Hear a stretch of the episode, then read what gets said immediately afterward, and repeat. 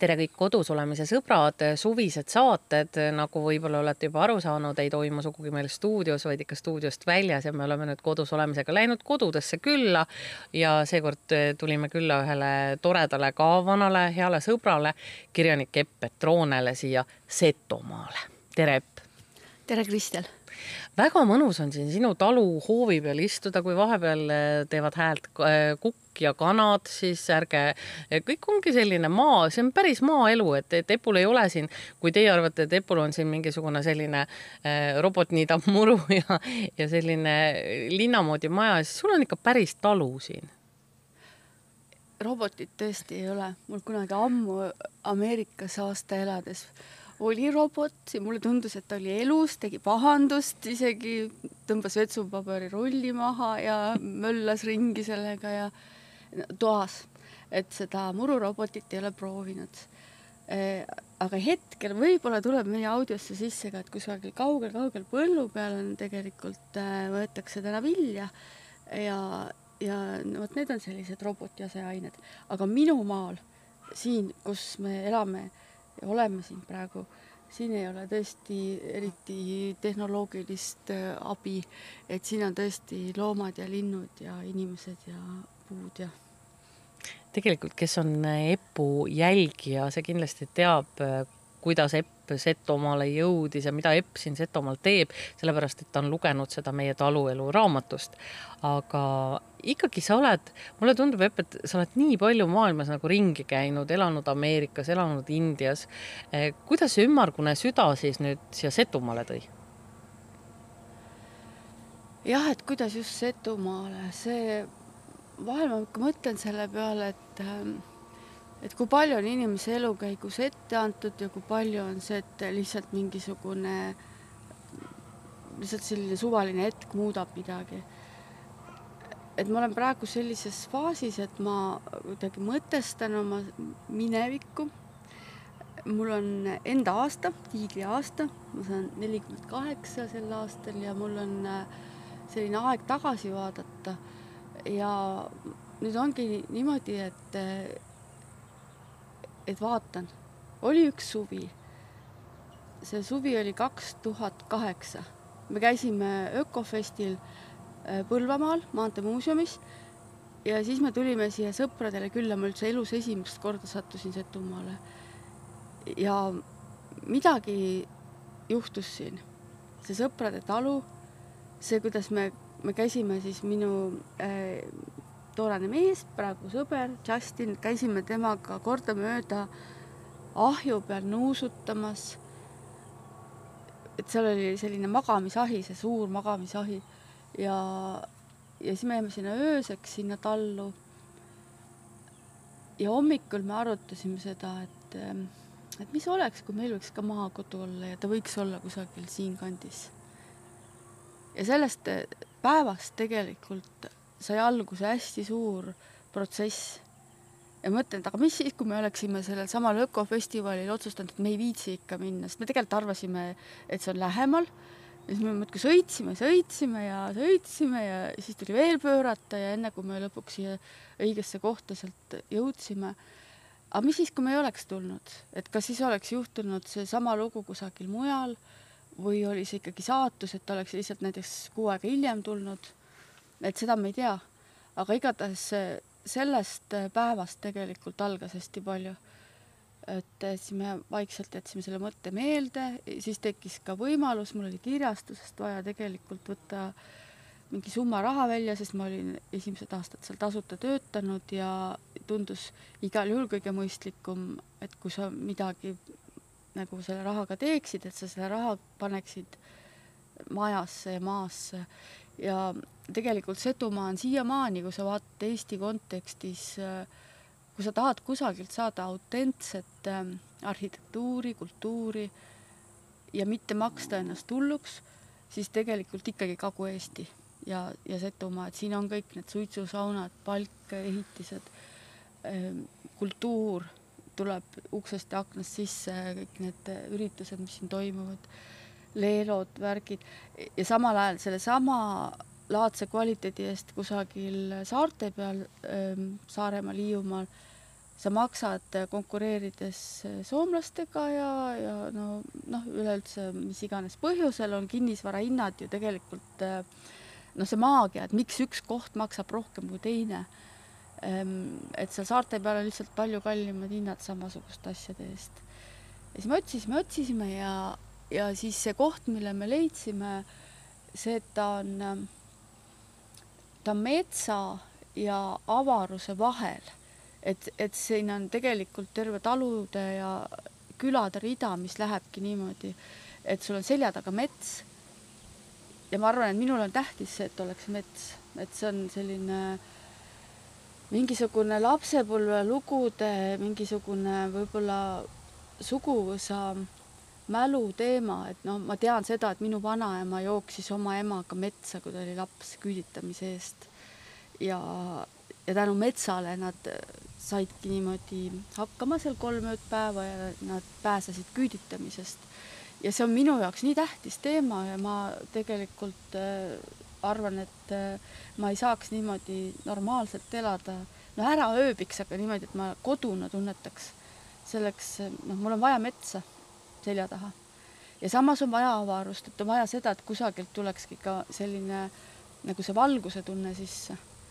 ja siin on mõlemat ja siis see koht tundis meid ära ja siis ma olengi seda kohta siin ehitanud, teinud. sa oled eh, oma raamatus, just sellest taluelu raamatus rääkinud oma mammast ja papast. kas nemad on sind nagu mõjutanud? muidugi. Nemad on ühed sellised suured mõjutajad sinu jaoks? on, kindlasti ma muide käisin just äh, filmi vaatamas, korraldasin lausa filmiõhtu, Vee peal film äh, Olavi Ruitlase raamatu põhjal.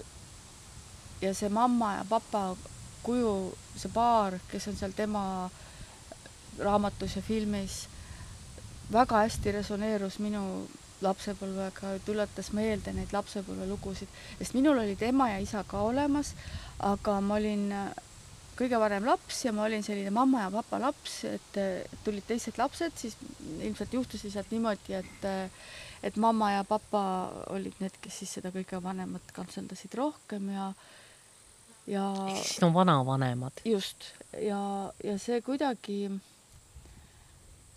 tegelikult see andis mulle mõnes mõttes ka seda julgust, nemad olid tõeline maarahvas sest meie elasime ise tegelikult korteris. aga see julgus, see arusaam, et tegelikult ei ole midagi väga hullu selles, et, et hakkad laudas loomi pidama, see tuli tegelikult sealt. ja minu vanaisa, papa oli loomaarst ja ma tegelikult tahtsin enamik äh, sellest ähm, lapsepõlveaastatest, ma tahtsingi saada loomaarstiks. ja igasuguste asjadega sain seal hakkama, tegelesin kanalahkamisega ja selliste teemadega, mida normaalsele lapsele ilmselt ei võimaldatud. kui palju on Epp Petrone elu õnnelike kokkusattumuste, et mitte öelda juhuste rida?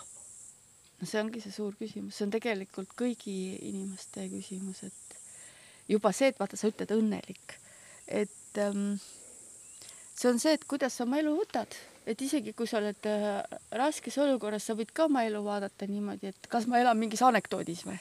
et see, sest tegelikult traagika ja koomika on väga seotud, nad on kõrvuti. või, või see, no otsustad lihtsalt ära, et oledki õnnetu, sa võid alati, noh, muidugi see ei ole nii lihtne. mul on ka raske vahel ja siis ma ikka üritan seda mõelda, et kas ma elan mingis anekdoodis, sest see kuidagi aitab. aga see, et kas see on äh, ette määratud või juhus, ega me ei tea seda tegelikult.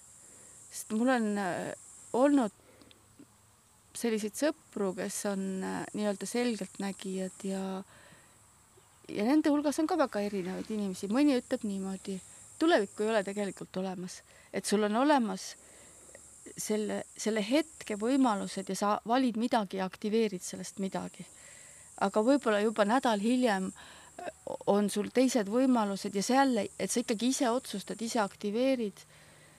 ja samas on mõni teine, kes ütleb niimoodi, saatuse raamatus on kõik ette antud. nii et ma ei tea, kuida-, kuidapidi ta siis on. see paljude stsenaariumite jada, see tuleb mulle väga tuttav ette sinu viimase raamatuga, mulle tundub, et seal on nagu see kõikvõimalikke asju, kõikvõimalikke stsenaariumeid, kõiki nagu radasid on nagu hästi palju, et kust see tuli üldse? see viimane Linnude raamat. linnude koodid romaan. et, et kust see tuli või seda küsid. see, see romaan tuli minu juurde hästi varakult. ma ei olnud üldse, siis sellel ajal mina ka sind tundsin rohkem, me olimegi alles, jooksime särgis ringi, Tartu Ülikooli tudengid ja mul oli üks selline ületöötamise periood, ma olin südamelihase põletikus ja olin maal ja lugesin maal raamatukogu raamatuid, tõin kottidega ja siis mul tuli üks selline visioon ja arusaam, et ma sooviksin või no tegelikult äh, mitte ei sooviks, vaid see lihtsalt tuli mulle pähe. Äh, ja, ja see oli aasta, see võis olla aasta üheksakümmend neli, nagu jube ammu. ja kogu see lugu siis äh, kuidagi elas ja käies mu sees ja vahepeal unustasin ära.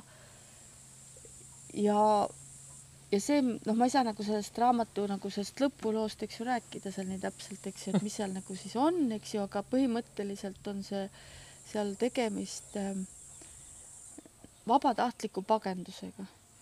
Et äh,, et inimesed lähevad kusagile peitu, sest nad eeldavad või arvavad teadvat, et maa, maailmaga on midagi juhtunud. ja see, kui sa nüüd räägid sellest, et kanad teevad seal palju häält kui sa räägid sellest, et mitu versiooni, et mi, mis siis on nagu mitu stsenaariumit või ma ei tea, kas sa mõtlesid seda või mitte, aga et selle raamatu lõpus on nagu kolm erinevat epiloogi. Ja, ja see, et, et mis siis on nagu tegelikult, et kas, kas nad siis tegelikult äh,, mm, kas neil oli õigus või kas nad noh, et, et kust perspektiivist sa seda nagu asja vaatad, et eh, kas neid nagu leitakse üles või ja millal nad leitakse, et kas nad leitakse mõne aasta pärast või leitakse nad eh, mingisuguse aja pärast, mis on tegelikult hoopiski eh, nagu Vana Testamendiga mõõdetav, et see, sest tegelikult meie tsivilisatsioon ei ole ju väga äh, nagu no pikk siin, et meil on tegelikult võimalik ka vaadata minevikku ja aru saada, et ega me väga täpselt ei tea, mis seal enne oli ja, ja kõik need nagu lood võivad ka meiega juhtuda ja meie võime muutuda tuleviku mingisugusteks legendideks. et, ähm, et ma jah, siin maal vahel mõtlen selliseid mõtteid, et ma olen ikka väga rahul, et ma selle romaani valmis kirjutasin. Ja samas kuidagi no kui ma, kui ma nagu mõtlen sellele, et et mida romaani kirjutamine tähendab, siis ma ütleks, et see oli ikka üks väga kulukas hobi, selle romaani kirjutamine, aga see on nagu iseenda hingele kuidagi, et ma teadsin, ma pean selle ära tegema, et, et enne ma rahu ei saa ja, ja et see küsimus ongi minu ja minu enda vahel, et ma saaksin. huvitav, miks see tibu seal niimoodi? tahad minna tibu, vaadata? tibu tahab väga saada ähm,. meie režissöör Jaanus läheb kohe vaatab, mis tibuga on. Äh, siin on äh,, kui võib midagi öelda, siis ma ütleksin seda, et ma tunnen oma lindude hääli. ja seal praegu ma tõlgendaks seda niimoodi, et üks tibu ei teadnud, kuidas aeda tagasi saab. ja. vanemad linnud üritavad ja, õpetada teda või? et ta pääses sealt alt kuskilt välja ja nüüd ta siis äh, õiendas ja tänitas ja pahandas seal ja nüüd saigi tagasi. Nüüd on kõik jälle hästi. kui palju on äh, kohtumised teiste inimestega sinu elu mõjutanud? ja toonud võib-olla kaasa selliseid pöördeid?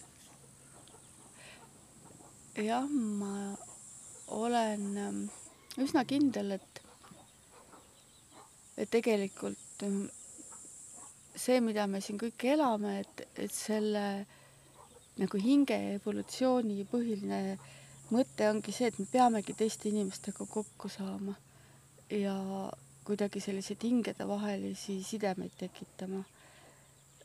et kuigi ma vahel elan eraku elu ja tunnen, et, et nagu ei soovigi teisi inimesi näha, siis ma ikkagi sisimas tean seda, et, et kõik need noh, tegelikud vastused ja arengud tulevad ikkagi läbi teiste inimeste, läbi nende hingesidemete ja ma mõtlen, et ma olen elanud ähm, kogukondades natuke ka, et ma olen elanud Indias ashramis ja tundnud seal seda, et, et vaata, iga inimene, kellega sa rääkima hakkad, on nagu peegel, et ta näitab sulle sind ennast mingi uue nurga alt või noh, nagu kõverpeegel mõnes mõttes, aga, aga selline arendav kõverpeegel.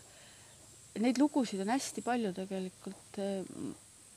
Ma kirjutasin, vot see Kas süda on ümmargune raamat on mul, või mitte raamat, kolm raamatut, viimane, kolmas osa ongi India ašramist seal, nendest lugudest, kus ma kohtusin noh, selliste väga eri-, noh, ega Indiasse sellised ähm, normaalsed inimesed aasramisse ei satu, et kõigil on mingi lugu taga, et miks ta sinna on sattunud ja ja nad kõik on mind mõjutanud ja vahel ongi selline tunne, et ähm, et ähm, seda kõike saab nagu liiga palju ja siis ongi vaja kuidagi tagasi tõmmata iseenda sisse ja, ja maandada sõna otseses mõttes ennast, et rahulikult maal olla.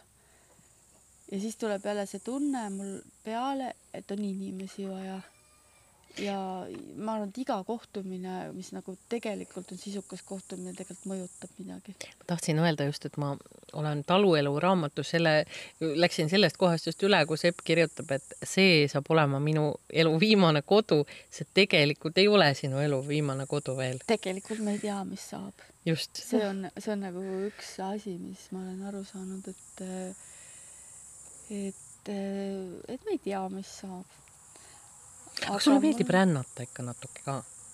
ma arvasin, et mulle ei meeldi enam rännata. see, no tegelikult siiamaani arvan, aga, aga see, millele sa viitad praegu, on pigem vist see, et ma kaalun oma talust ära kolimist, sest ma olen leidnud ühe teise koha, mis mulle meeldib. ja, ja see on ühe, ühe mõisa lähedal see on Sänna kultuurimõis, mis, mis on üks kaootiline ja kentsakas koht mingis mõttes. aga pärast seda, kui läks sinna Epp Petroone raamatukogu hoidjaks, siis ma kuulen sellest kogu aeg. ja ma kuulen kogu aeg tänusõnu inimestelt, et oi kui tore, et mis sa seal teed ja, ja selline no see ongi nagu see, et ma olen sattunud sellesse avatud faasi, kus ma pean inimest, inimeste neid ähm, hingesidemeid kuidagi tekitama võib-olla. seesama viimane üritus, mis meil oli Olavi Ruitlasega ja see, et kui me olime kogu selline saal oli täis võro keelt kõnelevaid inimesi ja, ja tavaliselt tekib see teatris, aga tegelikult see tekib sama hästi ka filmi vaadates, et sa saad selle fluidumi, et sa oled ühes ruumis, sa naerad ühtemoodi, sa ahhetad ühtemoodi, nagu mingi selline noh, või ka kirikuga võib tegelikult võrrelda seda, et selline mingi, mingi selline ühine fluidum. ja see, see oli noh, super film ja super publik ja kõik see kokku.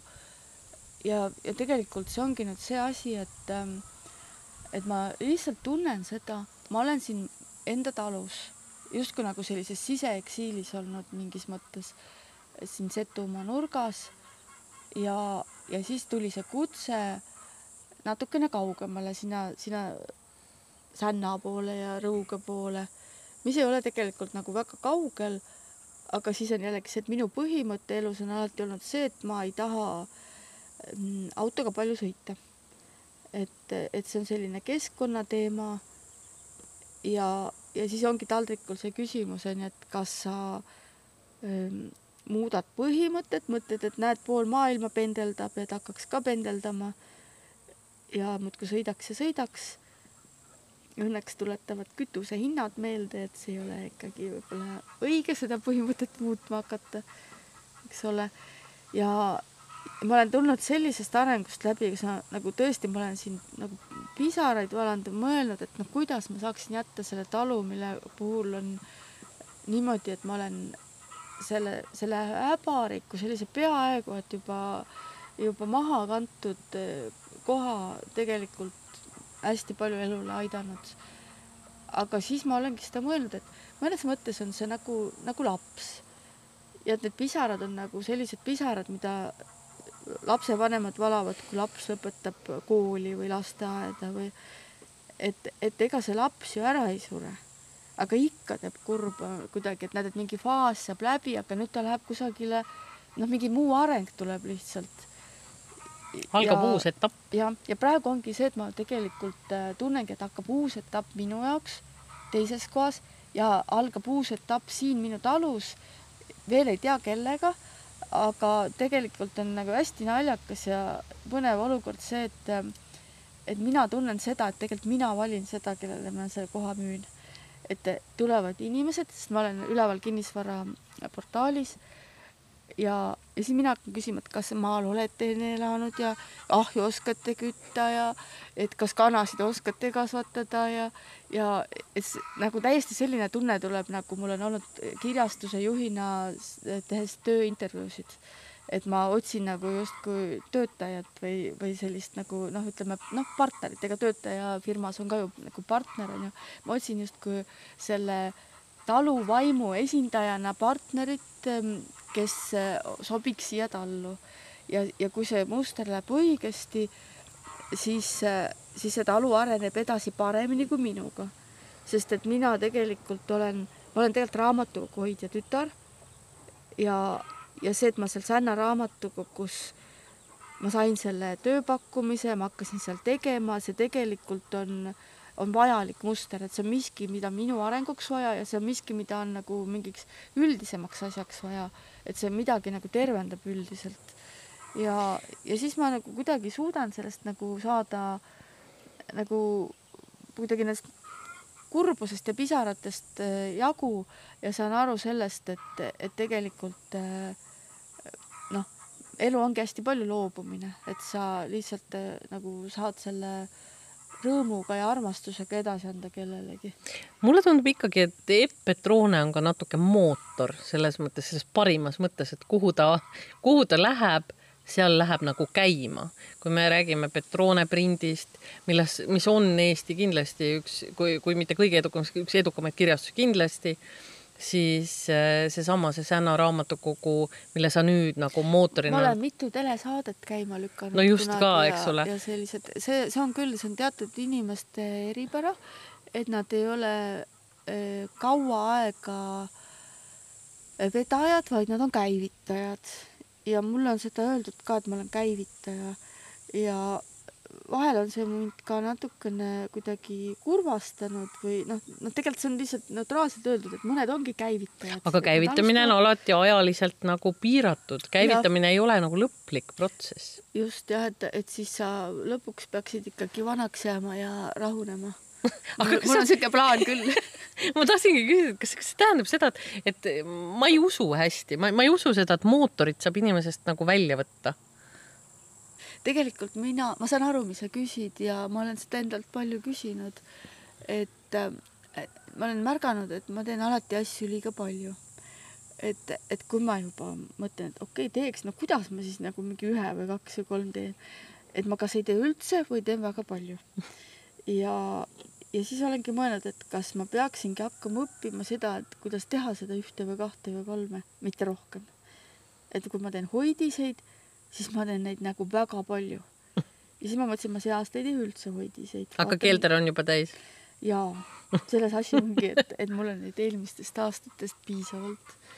ja, ja siis, et Sänna kultuurimõisa raamatukogust kinosalong on ju, et, et noh, miks ma ei oleks võinud teha üritust noh, vähemalt, et kord nädalas või iga kahe nädala tagant. aga mul on olnud niimoodi, et mõnel nädalavahetusel on kolm üritust järjest ja, ja ise ka imestan, et miks ma neid nagu nii palju tegin.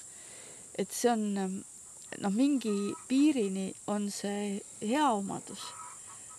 aga, aga just, et see, et ku-, kuidas ikkagi neid piire seada, kuhu piirini see on hea omadus. samamoodi praegu on siin talus, et, et noh, võib-olla normaalne inimene istutaks kolm õunapuud, miks mina kolmkümmend istutasin? et, et viinamarjadega samamoodi. Ja, ja noh, see on tegelikult mingi noh, probleem mul tegelikult ju, kui mõtlema hakata, sest et õunapud kasvavad suureks, siis sa pead ju hakkama nende õuntega tegelema. kolmekümne õunapuu õuntega. ja see, see on mingi inimlik, ütleme, iseärasus, mis on mitte ainult mulle, vaid ikka väga paljudele omane. et vaata see Tšehhovi kirsiaed tuleb mulle meelde, et seal on ka, et nagu miks neid kirsse nii palju oli et tegelikult ei olnud neid kirsse nii palju sinna, kirsipuid vaja. et, et kuidagi noh, tehakse nagu üle, aga et, et kuidas seda elustiili siis muuta saad või ma ei tea, et see on tegelikult mulle üks põhjus, miks ma olen mõelnud, et et võib-olla siia tallu sobib nüüd keegi, kes suudab hakata seda pikamajooksjaks ja, ja saab hakkama sellega, et, et ta ei võta intensiivselt nagu mingeid uusi projekte, vaid hakkabki tegelema nende asjadega, mis on kõik istutatud ja nagu no nagu ülesehitamise. aga ometi, kui me räägime ülesehitamisest, siis Petrone printi sa ju oled üles nii, nii käima tõmmanud kui, kui üles ehitanud kõik need aastad, et sa oled ju ikka tänase päevani ju sellega seotud. jah, ma olen. et see, sa ei ole, see ei ole nagu uutes kätes ja Epp ei ole edasi liikunud. see on küll e-, e eduelamus, et ma olen suutnud seda üsnagi stabiilselt ehm, hoida, ikka seda sidet. Aga seal on olnud tegelikult perioodid, kus ma olen olnud kaugemal e, ja siis ma olen tulnud jälle lähemale. Ja ma arvan, et nüüd on just selline stabiilsus saabunud, sest Petrone print on kaks tuhat seitse tehtud, nii et ta on ähm,, kui vana ta siis on, kolmteist või ma ei viitsi arvutada täpsemalt, aga no või neliteist, isegi viisteist viisteist ongi, vot viisteist aastat. nii, ja selle aja jooksul on olnud mitu lainet. noh, kõige alguses olin ma ikka hästi seotud ja ehitasingi seda ainult selle nimel. elasimegi ja nüüd on see, et meil on lihtsalt kaks korda nädalas Skype koosolekud, meil on üsnagi selline stabiilne eh, on see minu sari, siis on nüüd see meie sari, see talu, taluelu ja maaelu põhine lugude sari. ja siis vahel teeme lasteraamatuid, vahel tulevad mingisugused hullud mõtted, tavaliselt tulevad need minu peast ja siis ma satungi vaimustusse, et kui mul tuleb mingi selline uus mõte hiljuti tuli mul lauamängude mõte, vaatame, kas see jõuab kusagile. ma tahtsin just öelda, et kõik, mida kuidagi tundub nii mulle kõrvaltvaatajana, et kõik, mida Epp ette võtab, sellest saab kohe nagu hitt, sellepärast ma pole näinud mitte ühtegi raamatut, millest oleks saanud selline hitt, et lapsevanemad kirjutavad Facebookis on oma grupid. palun, kas kellelgi oleks meie Eesti raamatu kleepse number, ma ei tea, mis asi, vahetada selle sellega, oleme siin, tere, meie oleme siin kaheksanda klassi õpilased, need ja need, palume vahetada need ja need kleepsud, et see, see oli tõeline selline nagu, nagu Pokemon, nagu see Tamagotši, nagu mingi selline liikumine, see, see, see kleepsude värk, et kõik, mis sa nagu ette võtad, sellest kohe nagu Kõike, tuleb mingi asi. kõigest ei tule hea asi, aga neid lihtsalt võib-olla ei märgata, mis välja ei tule. Äh, mul on olnud ikka neid asju ka, mis ei tule välja. Ehm, kui me kolisime Ameerikasse, siis me tahtsime, noh, see oli veel see aeg, kui oli, esimene laps oli paarikuine ja me mõtlesime, et hakkaks Eesti käsitoode Ameerikasse nagu eksportima. ja no lõpuks me nulli jõudsime. aga, aga põhimõtteliselt jäi see asi unarusse. ja siis kunagi, kui ma elasin Eestist ära aastake kaks tuhat kolmteist, siis oli, olin ma seotud ühe rühmaga, kes tahtis hakata Eesti musta leiba propageerima Ameerikas ja sinna läks ka päris palju raha ja energiat ja ei tulnud tegelikult tulemust. ja siis oli mul kivipood, millega ma arvan, et on nagu nulliseis, et, et ma sain sealt palju kogemusi, ma arvan, veel kirjutan sellest kunagi, aga noh, põhimõtteliselt ikkagi natuke on ikka see tunne ka, et, et ma nagu tegin, tegin midagi valesti või tegin midagi üle või aga noh, et tegelikult on see normaalne, et mitte kunagi mitte ühelgi inimesel ei ole kõik asjad eduelamused, ma ei usu, et see aga need, mis on seotud kirjutamisega, need vaieldamatult on. no nendega ja, ja kui nagu see, ütleme see, see Meie Eesti raamat eh,, sellel olid eh, mitu head asja kokku, mis selle võlu edu nagu tekitasid.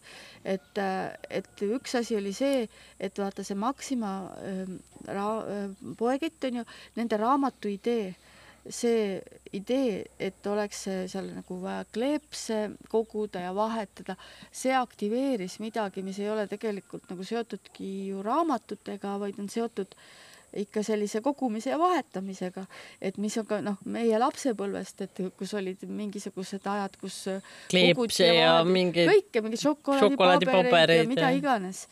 ja, ja, ja see läks nagu käima, aga samas kui ma võtsin vastu nende pakkumise, mina teadsin kohe, et ma tahan kirjutada võimalikult eh, hea raamatu.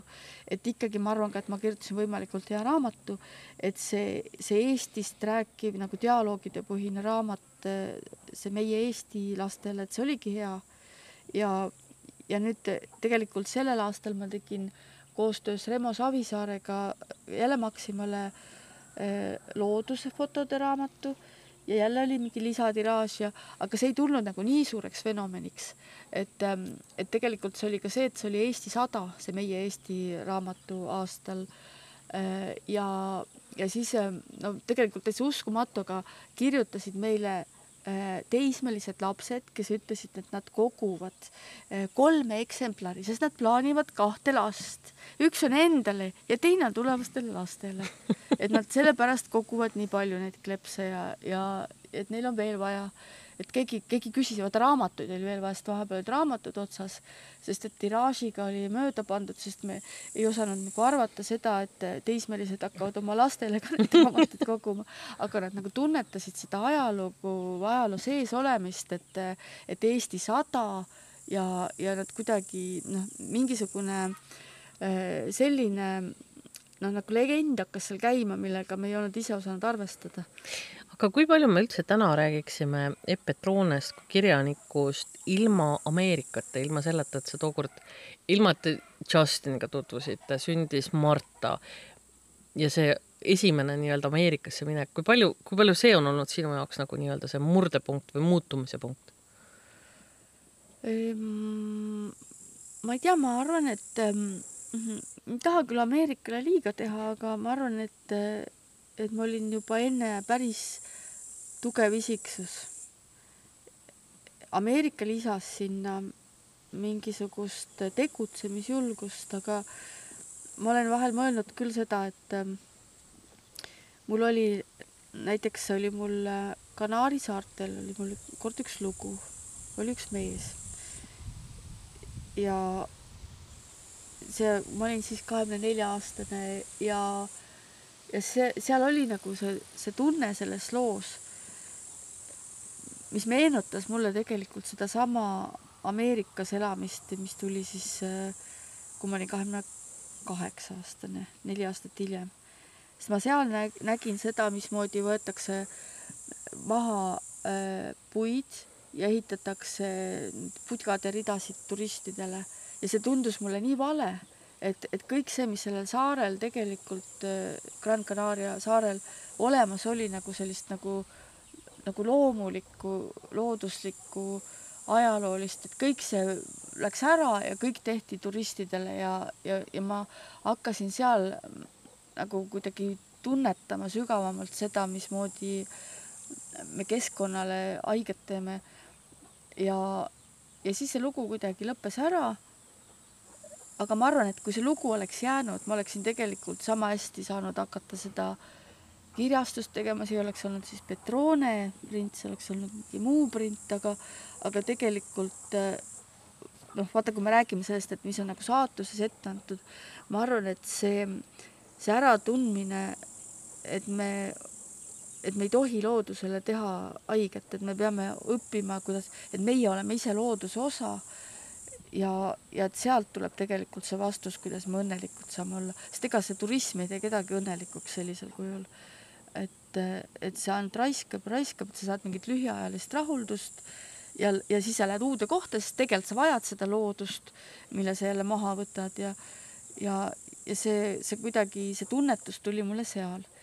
aga, aga noh, tegelikult Ameerikas hakkasid asjad juhtuma, et noh, seal ma siis olin, seal hakkas reaalne elu, mees, laps, ämm, kõik need igapäevased eh, probleemid, mis seal tekkisid ja ja siis seal ma hakkasin kirjutama neid mingisuguseid keskkonnakolumneid ja ma pärast panin sellest ka roheliseks kasvamine raamatu kokku, mille kohta ma ikka vahepeal jälle tuleb mingisugune väga erinevas vanuses inimene, kes, kes ütleb, no tõesti teismelisi on ja pensionäre on, et kes ütleb, et see raamat andis sellise mõttealuse, muutis maailma ja noh, noh, kuigi tegelikult nüüd on neid keskkonnateemasid igal pool mujal ka, aga kuidagi see, see oli eesti keeles ilmselt üks esimesi. ja, ja, ja selles mõttes see Ameerika nagu mingi äraspidise moega tegelikult tegi mind, äh, tegi mind keskkonnakaitsjaks. sest ma nägin enne, kui see asi Eestis niimoodi hulluks läks, ma nägin juba seda, mis Ameerikas on. ja, ja ma tundsin selle ära, et see, see asi on vale. et noh, eriti seal New Yorgi kandis, et noh, hiljem ma olen käinud ka mingites ökokülades ja, ja näinud seda, seda Ameerikat, kes on nagu kogukondadesse kogunenud ja kes ka teavad, et asi on vale, et et jah, et Ameerika mingis mõttes on ajast ees, aga see noh, Eesti on nüüd ka väga samasuguseks muutunud. Aga sinu lapsed, et sa oled tegelikult olnud üsna avameelne, sa oled kirjutanud oma lastest, sa oled kirjutanud oma abielust, sa oled kirjutanud oma, oma elust, oma lähedastest, et selles mõttes, kuidas lapsed, kuidas see noh, üsna avameelne see elu või üleskasvamine, kuidas see, kuidas sa ise täna nagu mõtled, et kas sa, kas sa täna jätaksid mõned asjad kirjutamata, mida sa siis kirjutasid, mida sa blogisid näiteks või?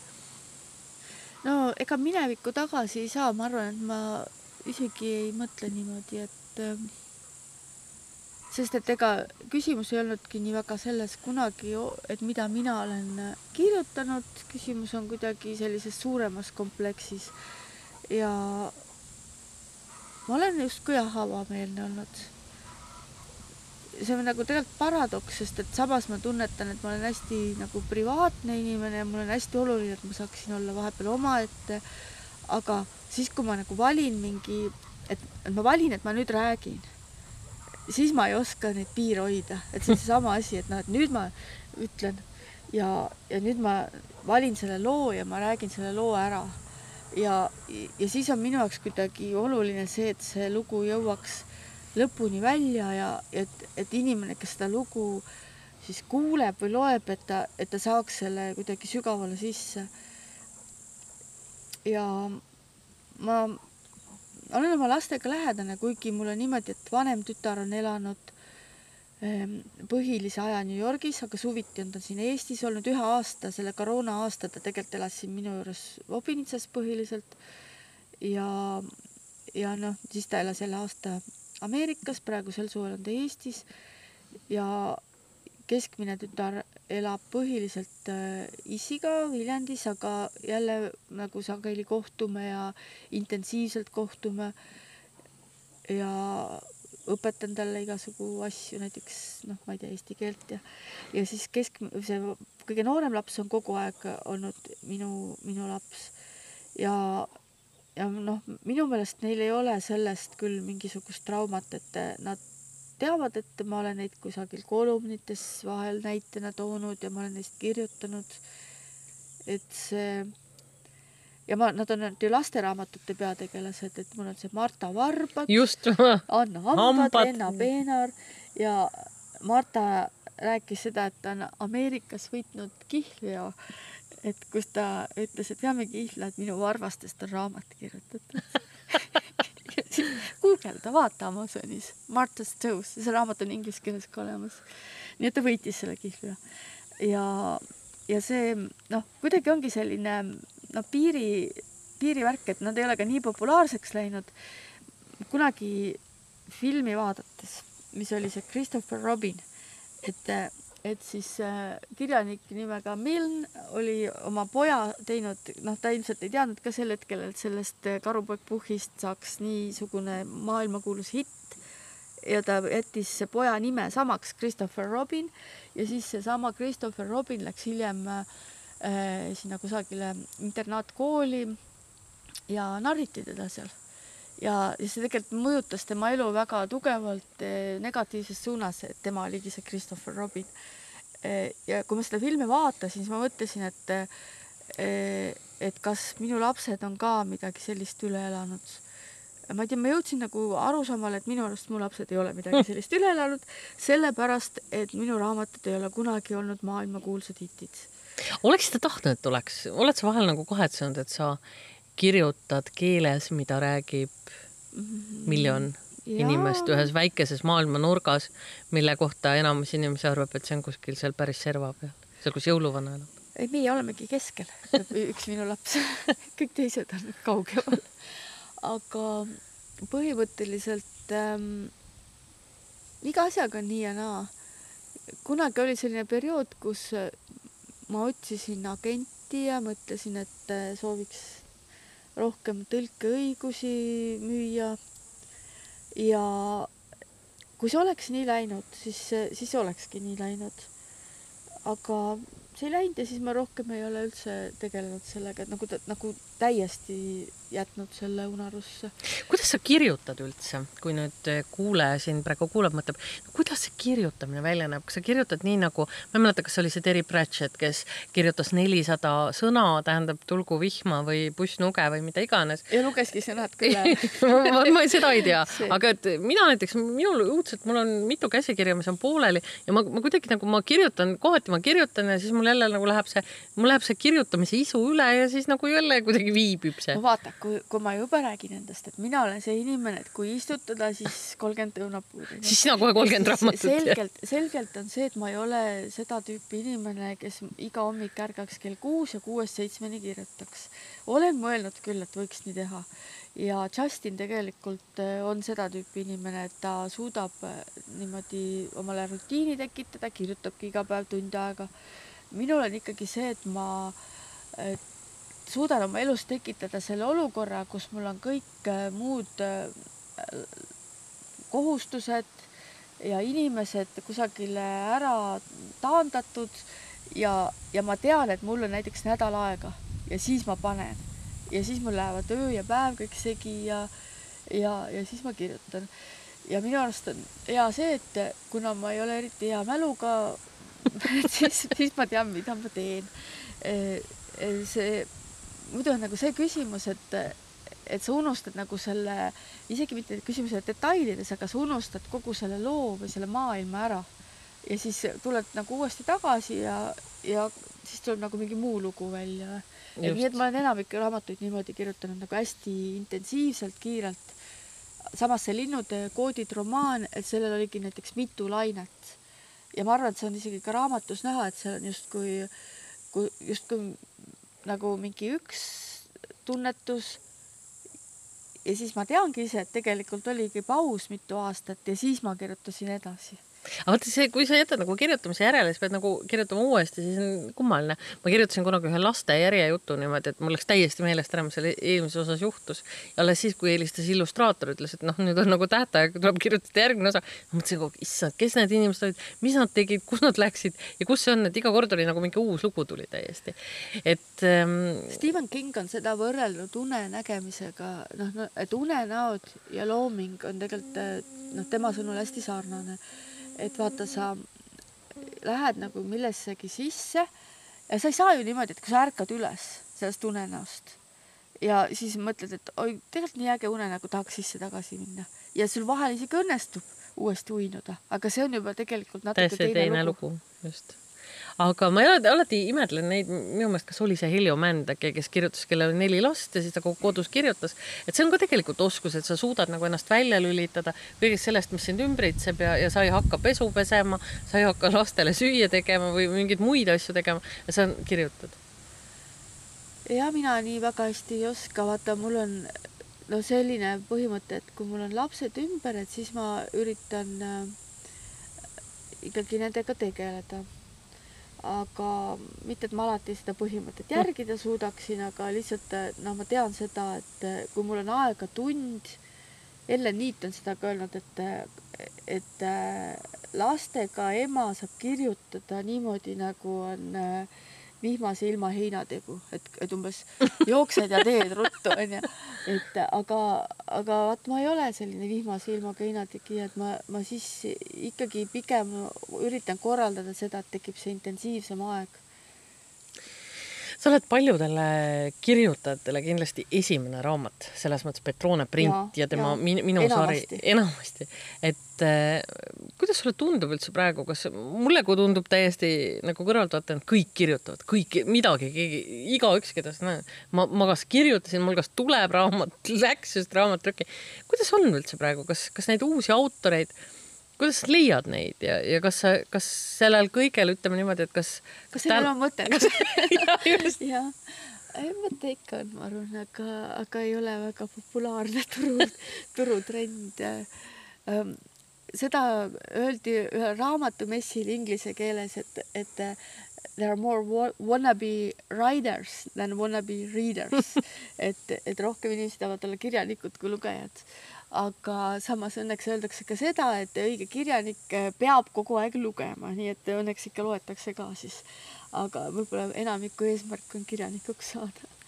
et see, see kuidagi, noh, minul on hea meel, et me oleme leidnud sellise niši, kus, kus on noh, võimalik ikkagi noh, mingi teatud arv raamatuid eestlastele müüa et me saame olla stabiilselt kindlad, et seda minu sarja ja nüüd viimasel ajal seda meie sarja, et mõlemaid ikkagi ostetakse ja et nad on nagu sellised eh, noh, et neil on nagu mingi teatud ootuse tagamine, et seal on, eh, seal on sisu, aga seal on ka samas sellist eh, noh, ma nagu ütleks natuke niisugust ekspresslikku või Eesti ekspresslikku sellist nagu äh, nagu põnevust või et, et ta ei ole nagu liiga, liiga kuiv ja kultuurne, vaid et seal on mingi selline, selline nagu värske asi ka juures. ja, ja see, no hea on, et see nii on. sest samas ähm, on hästi palju ju neid äh, kirjanikke, kes ja kirjastajaid, kellel on äh, väga raske ja iga, iga kuuga isegi läheb raskemaks, öeldakse. et et, et kui me võrdleme seda, mis oli näiteks kümme aastat tagasi või siis viisteist aastat tagasi, rääkimata nõukaajast, et si-, nagu lihtsalt ostetigi ja loeti rohkem raamatuid. ja, ja need on see, et inimesed ju tegelikult loevad ikka, aga nad loevad ekraanide pealt asju. nii et, et sina loed ikka päris raamatuid, neid, mis trükitud on või, või lugerist? Ei, mina lugerit ei kasuta, mul ei ole sellist kuidagi harjumust tekkinud, mina loen täitsa palju. Ja nüüd vaata, ma töötan nüüd raamatukogus, seal Sänna raamatukogus, siis ma olen noh, tutvun oma raamatutega, seal vaatan, kus miski on ja ma ikka iga päev loen raamatuid. ja, ja see kuidagi, no ma tegelikult saan aru, et see on lihtsalt mingisugune äraõpitud kultuuriline harjumus, et raamatud on paremad kui ekraanid.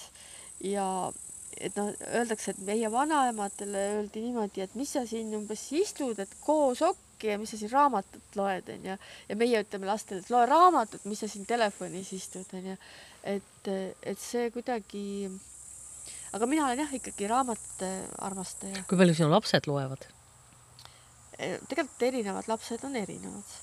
keskmine loeb päris palju, tema on selline nagu heas mõttes nohiku tüüpi e, ja vanem ja noorem loevad vähem, aga siiski neil, ma arvan, et äh, on hullemaid aga kui sa raamatukogus oled, sa näed ju täpselt seda, mida inimesed laenutavad, no see on ka alati olnud üks suur, küll seda kritiseeritakse ajalehes, inimesed loevad Erik Tohvrit, on ju, tegelikult võiksid lugeda hoopis seda ja toda. minu meelest on tore, kui inimesed loevad, loevad nad, mida nad loevad, tore on, kui loevad. minu noorem laps näiteks äh, läks kirjandusmaailma Äh, Äpardi päeviku läbi, et Äpardi päevik talle meeldis, need on ka sellised nagu koomiksilaadsed, nagu võiks öelda, nagu graafiline romaan, et noh, vahepeal on teksti ka, aga hästi palju on nagu niisugust koomiksilaadset illustratsiooni. ja, ja ma mõtlen samamoodi, et kõige tähtsam on see, et tal tuleb lugemisharjumus ja, ja tegelikult see on mind üllatanud Sänna raamatuga, kus, kui palju loetakse koomikseid, et need äh, lapsed, vaata igasugused need Mikki Hiired ja Donaldid ja Need vanad päris vanad koomiksid ju, need meieaegsed. ei, need on ikka tänapäeval ka olemas, jah. mina ei olnud ka ma mõtlesin, et need on need vanad. ma ei olnud selle teemaga üldse kursis ja, ja siis vaatasin, et oi, kui suured koomiksriiulid siin on ja, ja siis mulle öeldi, et aga tegelikult neid loetaksegi palju ja siis ma hakkasingi nägema, et loetaksegi, et tõesti konkreetselt lapsed tulevad, küsivad, kas uusi koomikseid on ja siis laenutavad neid. et minu jaoks on see täitsa äh, noh, see on täitsa hea. kui laenutuse edetabeleid nüüd nagu lugeda, on ju, siis ikkagi tundub, et Eestis on sellist, eh, me võib-olla iga päev kultuurikülgedelt seda ei näe, aga Eestis on tegelikult täiesti arvestatav selline meelelahutuskirjandus, ajaviitekirjandus siis. aga ongi, et see, ma arvan, et igaühele oma ja kui sa äh, kui sa jõuad oma sellise vaimse arenguga selleni, et sa saadki aru, et sa tahad süveneda rohkem, siis on sul ka rohkem raamatute valikut. aga noh, ma ei ole nagu selline, et kes arvab, et, et hakkad siin kaagutama ja teisi, teisi inimesi ümber muutma. iga inimene, minu meelest on oluline see, et inimesed loevad, loevad nad, mida nad loevad. noh, juba see on tegelikult, et, et miks see oluline on, aga mulle ka meeldib, kui loevad et noh, minu jaoks on see, et vaata, ma korraldan raamatukogu üritusi, et nad tulevad sinna, meil on kohvik alati, nad saavad süüa, see on nagu baasvajadus, et iga kord on mingi mõnus kohvik. nii, ja siis on iga kord äh, film, nad istuvad diivanitel, tugitoolides, söövad, vaatavad filmi iga kord on ka raamatunäitus, mis on selle filmiga seotud, pandud sellisesse kohta, et nad ei saa teistmoodi, kui et nad näevad seda raamatunäitust. iga kord neid raamatuid sirvitakse, iga kord midagi ka laenutatakse. et, et see on kuidagi selline mõnus eh, meelitamine. kas ärilises mõttes on see kõik, mida sa oled oma elus üles ehitanud, on see teinud Epp Petroonest miljonäri? oh ei, ei ole. See on, äh, vahel ma ikka mõtlen sellele, et ähm, no vaata, mis on üldse elukvaliteet, et mida sa, et no raha on üks asi, onju, teine asi on, on see, et, äh, et sa saad äh, paljajalu kõndida oma rõdule ja sa ei pea üldse kartma, et keegi su rõdu üldse sisse vaatab ja et sa oled seal looduse rüpes, puud ümber ja sellised asjad, et selles mõttes ma olen miljonär jah. Aga, aga kui võtta niimoodi, et, et mingid pangakontod ja, ja siis ma arvan, et hädavaevu saan hakkama ja, ja siis jälle nagu see ettevõtja elu ikka on. no vaata, ettevõtjad on erinevad, et, et ma arvan, et need, kellel on äh, telekommunikatsioonifirmad, need, ma arvan, et neil läheb praegu väga hästi, et see on tõusulaine, et meil kogu aeg mingid andmeside nagu vajadused suurenevad. aga paberraamatutele trükkimine on küll kindlasti aina vähemaks jääv majandusharu aina, aina kahanev. oled sa läinud ka sinna, ütleme, mida praegu tehakse hästi palju, audioraamatud e, e-raamatud e, e-raamatud on Eestis kuidagi nagu, ma olen mitu korda tahtnud e, osta e-raamatut lihtsalt sellepärast, et ma reisile ei taha minna nagu üks kohver raamatutega, ma õudselt tahaks osta e-raamatut, ei ole, onju.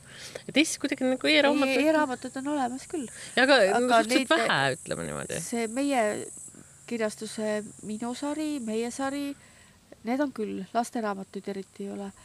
aga no vot ei teagi, et, et ma kuidagi ei ole ennast kunagi nendesse e-raamatutesse väga seganud, et, et see on meie kirjastuses teise inimese teema. ja noh, ma lihtsalt tean seda, et, et e-raamatud on stabiilselt äh, olemas ja suhteliselt noh, madalal skaala osal et neid ei ole palju vaja, aga just nimelt, et kes lähevad reisima, nende jaoks ongi see põhiliselt. sest et kui sa ikkagi mõtled, mis olukorras sa tavaliselt raamatuid loed, et mina, mina loen näiteks noh, kuidagi, et ongi selline kui padja, no padja peal või diivaninurgas või päevitades või et ma ei kujuta ette, et ma sellel ajal tahan ekraani pealt seda lugeda, siis ma tahan ikka paberi pealt lugeda kui nüüd mõelda selle peale, et äh, mis, mis see epetroonat ootab ees, üks väga huvitav asi on muuseas siin kohe siin meie kõrval ripuvad sellised pisikesed lipud ja mina alguses arvasin, et sa oled pannud Prantsuse lippu kuidagi siia välja Prantsuse lipu värvides, aga tegelikult on need seotud Tiibeti meditsiiniga. ja need on Tiibeti palvelipud, noh, neid ma nägin ka Indias rännates seal Tiibeti kogukonnas ja Ameerikas Tiibeti kogukonnas.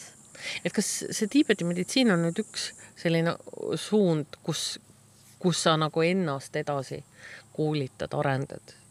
see Tiibeti meditsiin tuli eelmise aasta suve lõpus, nii et nüüd hakkab aasta täis saama.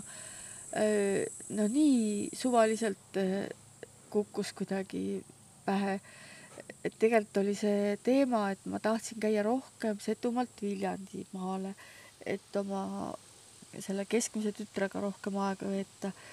ja siis ma kuulsin sellest, et Viljandimaal on selline koht nagu on Tiibeti meditsiinikeskus, mis on Väluste vanas koolimajas. ja, ja et seal hakkab just selline nullist peale kursus, kus õpetataksegi kõike massaaži ja selliseid nagu ravimtaimi ja no kõike, mis seal selle äh, iidse meditsiiniga seotud on. Ja siis ma läksingi sinna põhiliselt sellepärast, et saaks Viljandisse.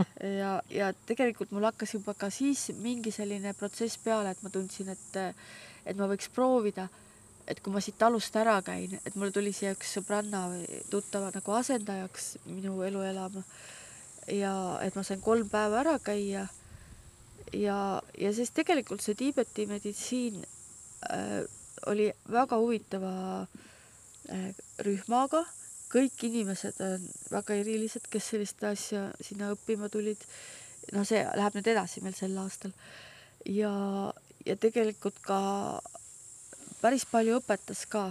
noh, ma õppisin, kuidas massaaži teha ja õppisin no tegelikult see on juba väga pikk jutt, kui hakata sellest rääkima, aga ma arvan, et kui me räägime sellisest nagu kriisivalmidusest, et vaata, öeldakse, et, et ei tea, mis kriisid võivad veel ees oodata, et siis tegelikult hästi oluline on see, et, et sa tunneksid taimi, mis on su ümber, et sa oskaksid neid taimi kasutada nii et me tegelikult väga palju seda Tiibeti konteksti üritame ka Eesti konteksti panna, et ei pea alati olema need äh, teiselt poolt planeeti need taimed. väga huvitavaid asju on sinu taimede kohta just seal sinu taluelu raamatus, ma just lugesin seda väikese müü äh, head seda köha äh, ravimiretsepti, kuhu kuuluvad taimed ja, ja igasugused asjad.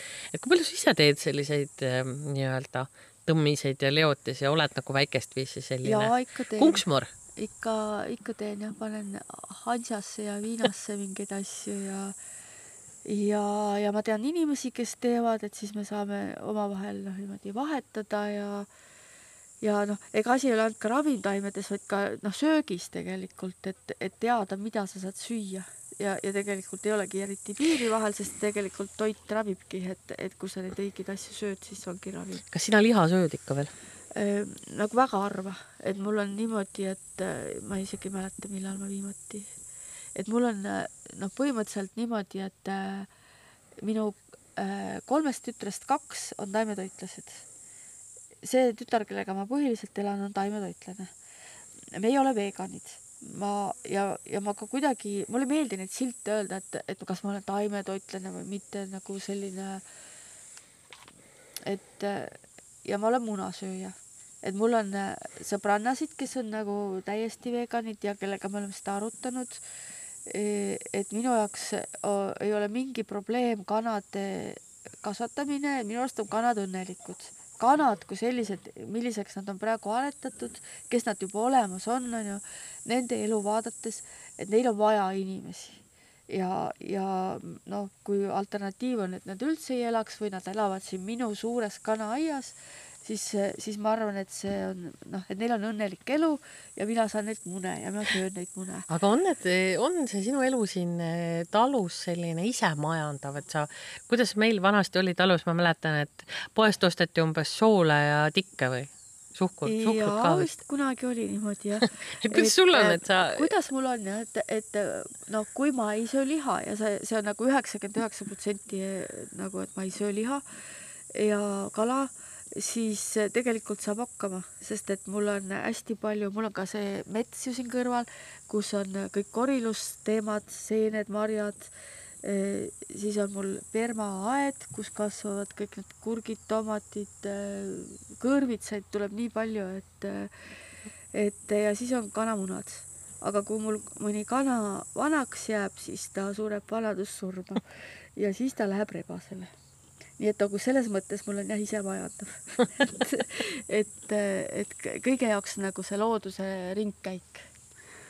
et kanade sõnnik läheb permapeenardesse ja et ei pea nagu, ma arvan, et aianduse teema, teemal ütleksin küll seda, et on nagu nõme minna poodi ostma kompostmulda kui sa sama hästi võid võtta omale küülikud või jänesed ja nagu seda nagu loomulikul moel tekitada seda kompostmulda.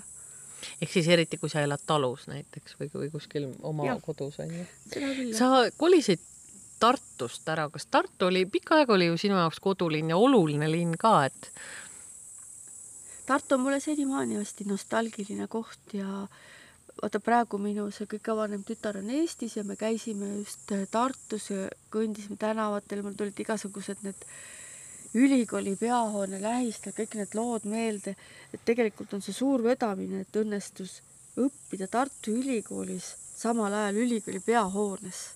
et, et seda ei ole väga paljudel inimestel.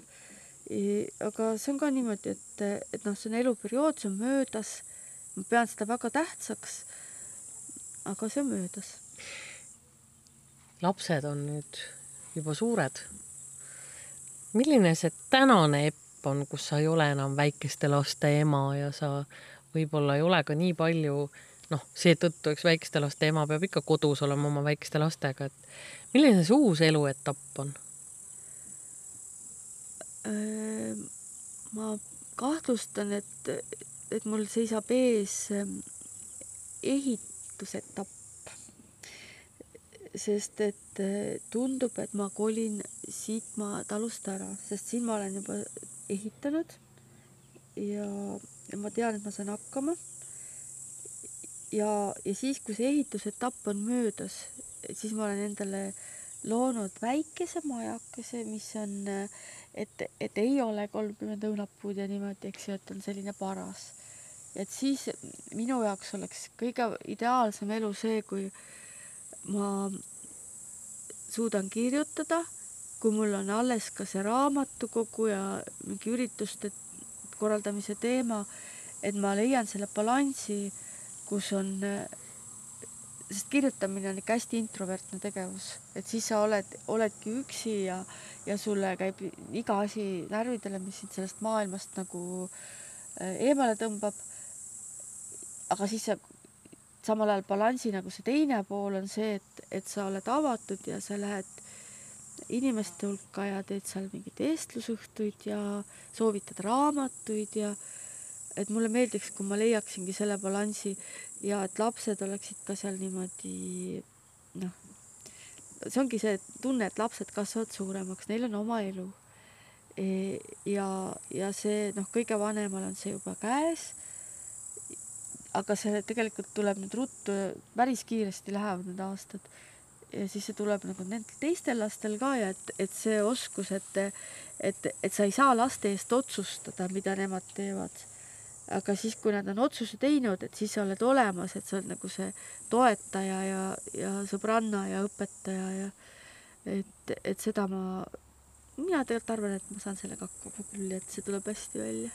sa ütled, et ütlesid just selle intervjuu alguses, et praegu on see aeg, kus sa nagu nii-öelda seda, seda käidud teed või seda minevikku ka nagu natuke mõtestad, et mis tulevik, kui me räägime siin kümne aasta pärast, kahekümne aasta pärast, kolmekümne aasta pärast, Epp Petroonat ees ootab? no see ootabki, mis ma just rääkisin, et kindlasti et ma loodan, et ma olen äh, kirjanik ja samas nagu ma annan midagi kogukonnale ka nagu selles mõttes äh, reaalselt kohtudes inimestega. et, et on nagu seda mõlemat. aga see, et vaata, et ma praegu mõtlen elule, see seostub selles mõttes Tiibeti meditsiiniga, Tiibeti astroloogiaga, et mina nüüd mõtlesin järele, et, et tundub, et on küll nii, et vaata, kui see on iga kaheteist aasta tagant on sul see sinu aasta, et, et see on see, see mingi ring on täis saanud. Ja, ja see on aasta, kus sul on võimalused, raskused ja, ja on see valiku koht, et ta, et ta nagu tee läheb kaheks, võib-olla kolmeks, kümneks, et sa valid, et mida sa teed. Sest minul tegelikult oli küll, et ka kolmekümne kuue aastaselt ma kolisin, me kolisime Viljandisse ja kahekümne nelja aastaselt äh, kolisime Lõunamaale ja hakkasin rändama. et, et selline, nii et nagu uuesti võid mult küsida siis, kui on jälle kaksteist aastat läbi, et noh, ma loodan, et siis nagu praegu ongi see vaja nagu ära kannatada ja õigeid valikuid teha, nagu sa oled nagu mingis pudelikaelas aga sa saad sealt välja ja siis on jälle rahulikum aeg ja siis tuleb jälle uus pudelikaeg kahe, kaheteist aasta pärast, kui, kui ma ikka elus olen. aga see on kindel, et sa kirjutad? kindlasti, seda ma teen kindlasti, ma olen lapsest peale kogu aeg mõelnud, et isegi kui ma loomaarstiks tahtsin saada, siis ma ikka ka kogu aeg arvasin, et ma hakkan kirjutama. et hakkan kirjutavaks loomaarstiks no järelikult on see raamat veel ees. no eks ma siin nende kukkede ja kanade ja ennastega vahepeal olengi nagu kirjutav loomaarst. Suur aitäh, Petrone, et lubasid meid enda koju tulla saatega kodus olemine, siis eh, väga tore oli siin sinu juures, me võiksime siin tegelikult pikalt veel rääkida ja, ja aga lihtsalt eh, ma usun, et võib-olla teie, head kuulajad, ei jõua kõike seda ära kuulata, nii et ja me tuleme siis kaheteistkümne aasta pärast Jaa. jälle tagasi. vaatame, kus ma olen. ja siis vaatame, kus Epp on, kas see on siis siin või sealpool ekvaatorit, eks me näe. aitäh tulemast. kõike head Tartu Hääl